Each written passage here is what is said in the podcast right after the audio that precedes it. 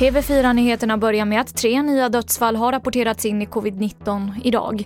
Och totalt har 5 835 personer avlidit i sjukdomen i Sverige. Detta enligt Folkhälsomyndighetens senaste siffror.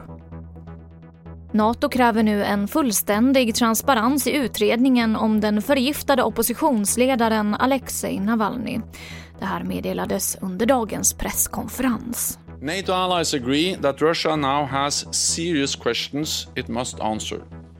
The Russian government must fully cooperate with the organization for the prohibition of chemical weapons on an impartial international investigation.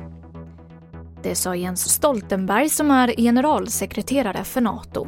Och mer om det här på tv4play.se. Och till sist kan jag berätta att kultur och idrottsminister Amanda Lind idag säger att hon inte kommer att kandidera till posten som språkrör för Miljöpartiet. Lind har pekats ut som en möjlig efterträdare till Isabella Lövin. Men enligt henne själv så tillåter hennes familjesituation inte att hon tar uppdraget.